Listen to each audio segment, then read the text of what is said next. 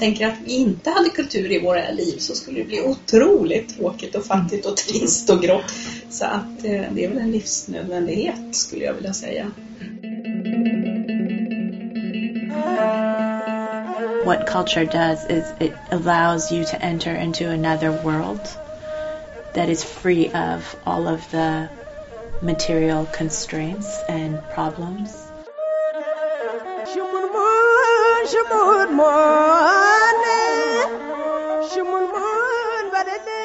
Musik, litteratur, film, bild, kultur. Det finns alltid runt omkring oss. På bara en dag hinner vi konsumera en mängd olika kulturella produkter utan att ens tänka på det. Men det är sällan man tänker på kultur i samband med global hållbar utveckling och bistånd. Om man tänker på kultur i bistånd som det där ytliga, lustfyllda, nöjesbetingade detaljerna som kommer när allting annat är bra, mm. då förstår jag att det inte känns så viktigt. Det här är Emma Emitslöv. Hon är projektkoordinator på Selam, en fristående kulturorganisation som jobbar med musikprojekt både i Sverige och i andra länder. Till exempel så jobbar Selam med en musikskola i Etiopien och är med och producerar musik, som till exempel musiken som hörs i bakgrunden av den här podcasten, som är från det etiopiska folklorebandet Ethiocolor. För projekt utomlands får Selam stöd från Sida. Men det renodlade kulturbiståndet på Sida blev kraftigt nedrustat efter regeringsskiftet år 2006 och är idag, istället för att vara en egen verksamhet, inkluderat i Sveriges utvecklingsstrategi för demokrati och mänskliga rättigheter. Kulturen är alltså inte ett mål i sig, utan ett verktyg för att nå andra mål. Sidas yttersta mål är att minska fattigdomen. Och det handlar inte bara om ekonomisk fattigdom, utan också till exempel om brist på makt. Och det är där demokrati och mänskliga rättigheter, och alltså även kultur, kommer in. För organisationer som Selam betyder det att projekten som får stöd från Sida behöver ha en anknytning till mänskliga rättigheter eller demokrati, även om de själva anser att kultur är mer än bara ett instrument. Vår hållpunkt är att det är helt nödvändigt för samhällsutveckling. Mm.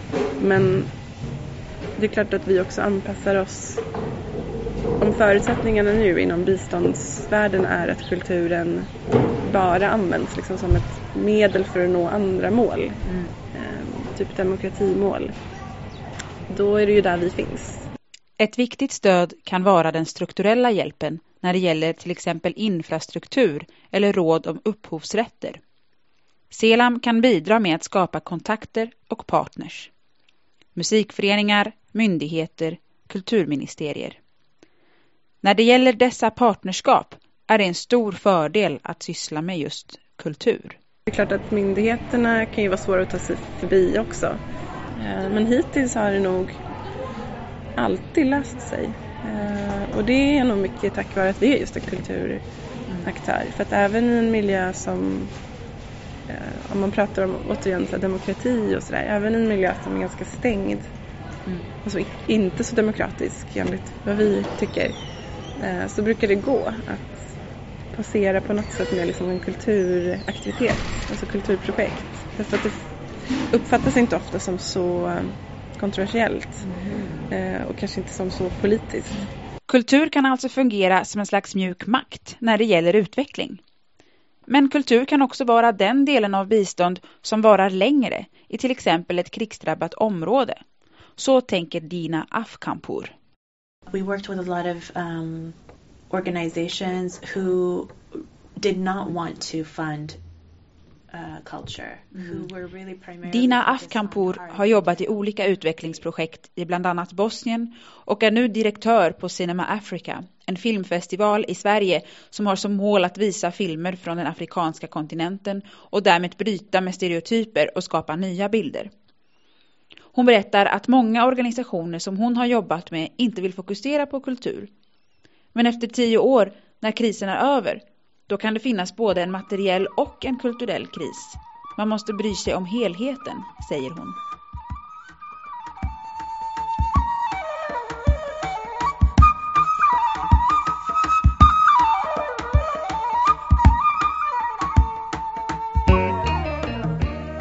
Men kultur inom en global hållbar utveckling behöver inte bara betyda bistånd. Det kan också få en plats här.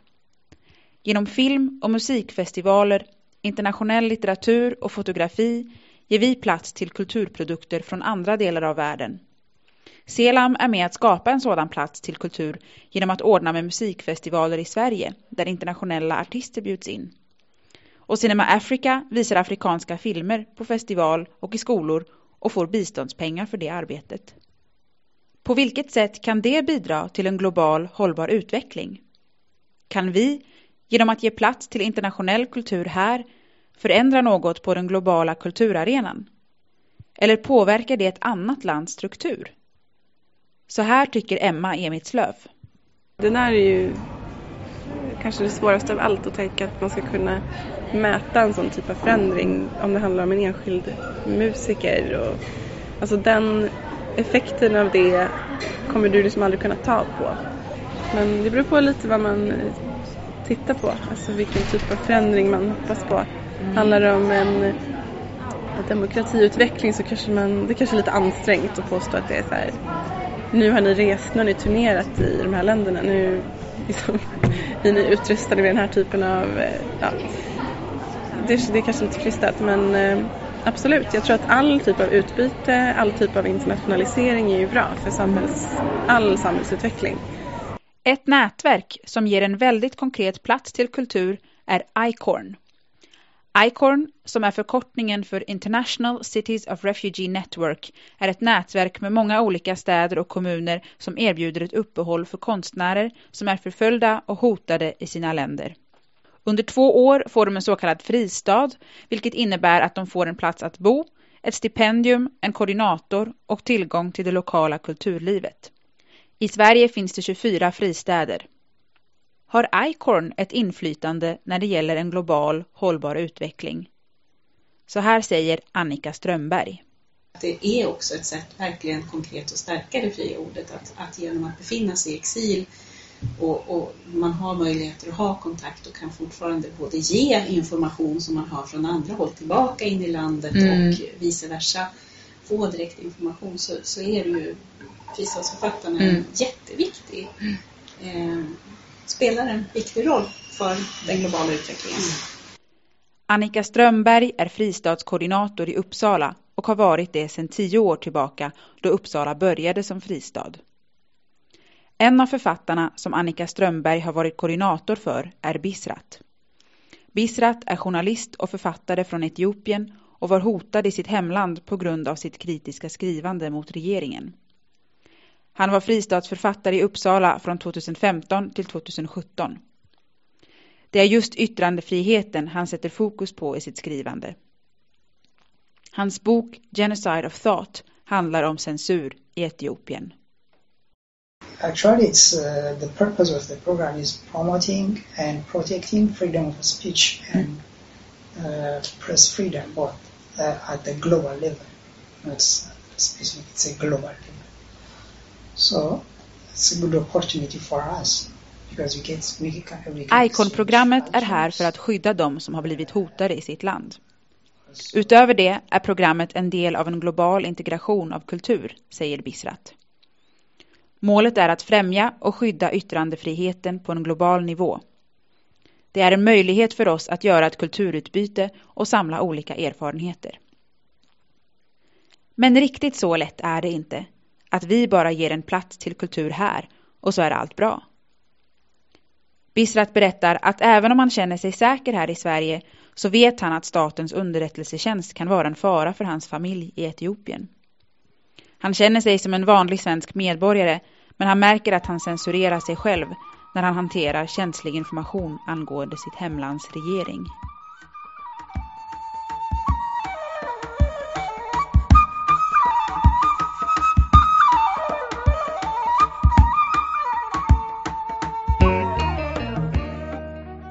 Identitet Jag har bytt ut mitt minne mot ett nyköpt minne gjort av kastanj.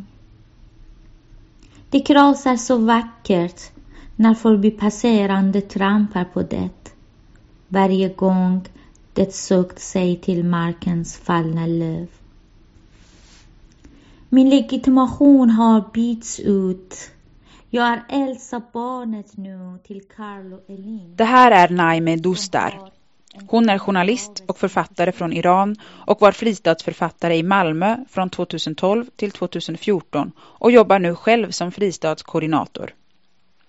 Hennes dikter handlar om identitet som invandrare och kvinna, kulturella skillnader, att längta tillbaks, att hata dåtiden och älska framtiden. En kombination av sorg och glädje, som hon beskriver det.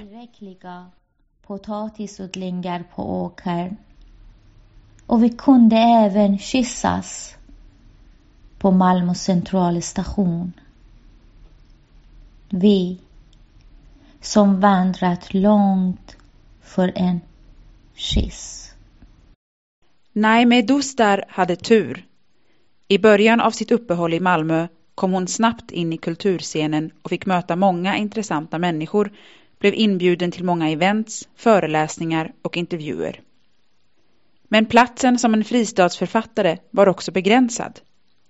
Att man får en fysisk plats i Sverige betyder inte automatiskt att man får en plats i Sveriges medielandskap. You know, they, they, they mostly prefer to, to look at you as, a, as an exiled immigrant writer, not a Swedish Naime Dostar kände inte bara att hennes plats var begränsad utan också tydligt definierad som författare med invandrarbakgrund.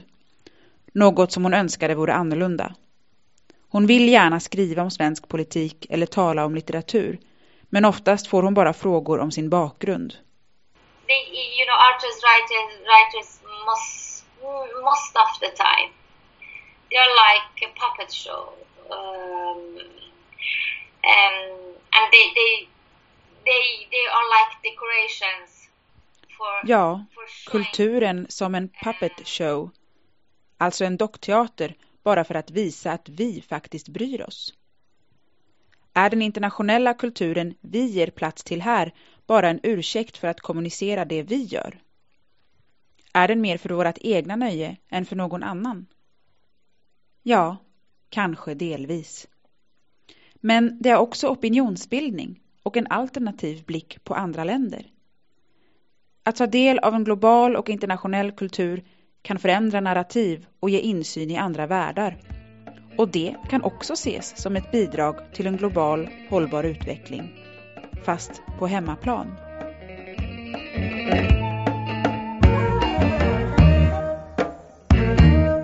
Kultur i olika former är en fast del av allas liv.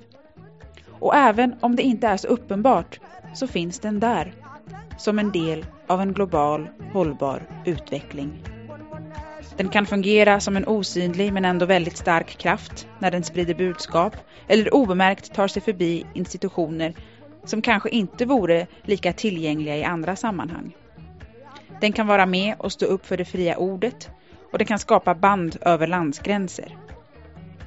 Men faktum är att allt kulturarbete är långsiktigt och resultat är svåra att mäta. Och det är kanske därför den kan glömmas bort ibland.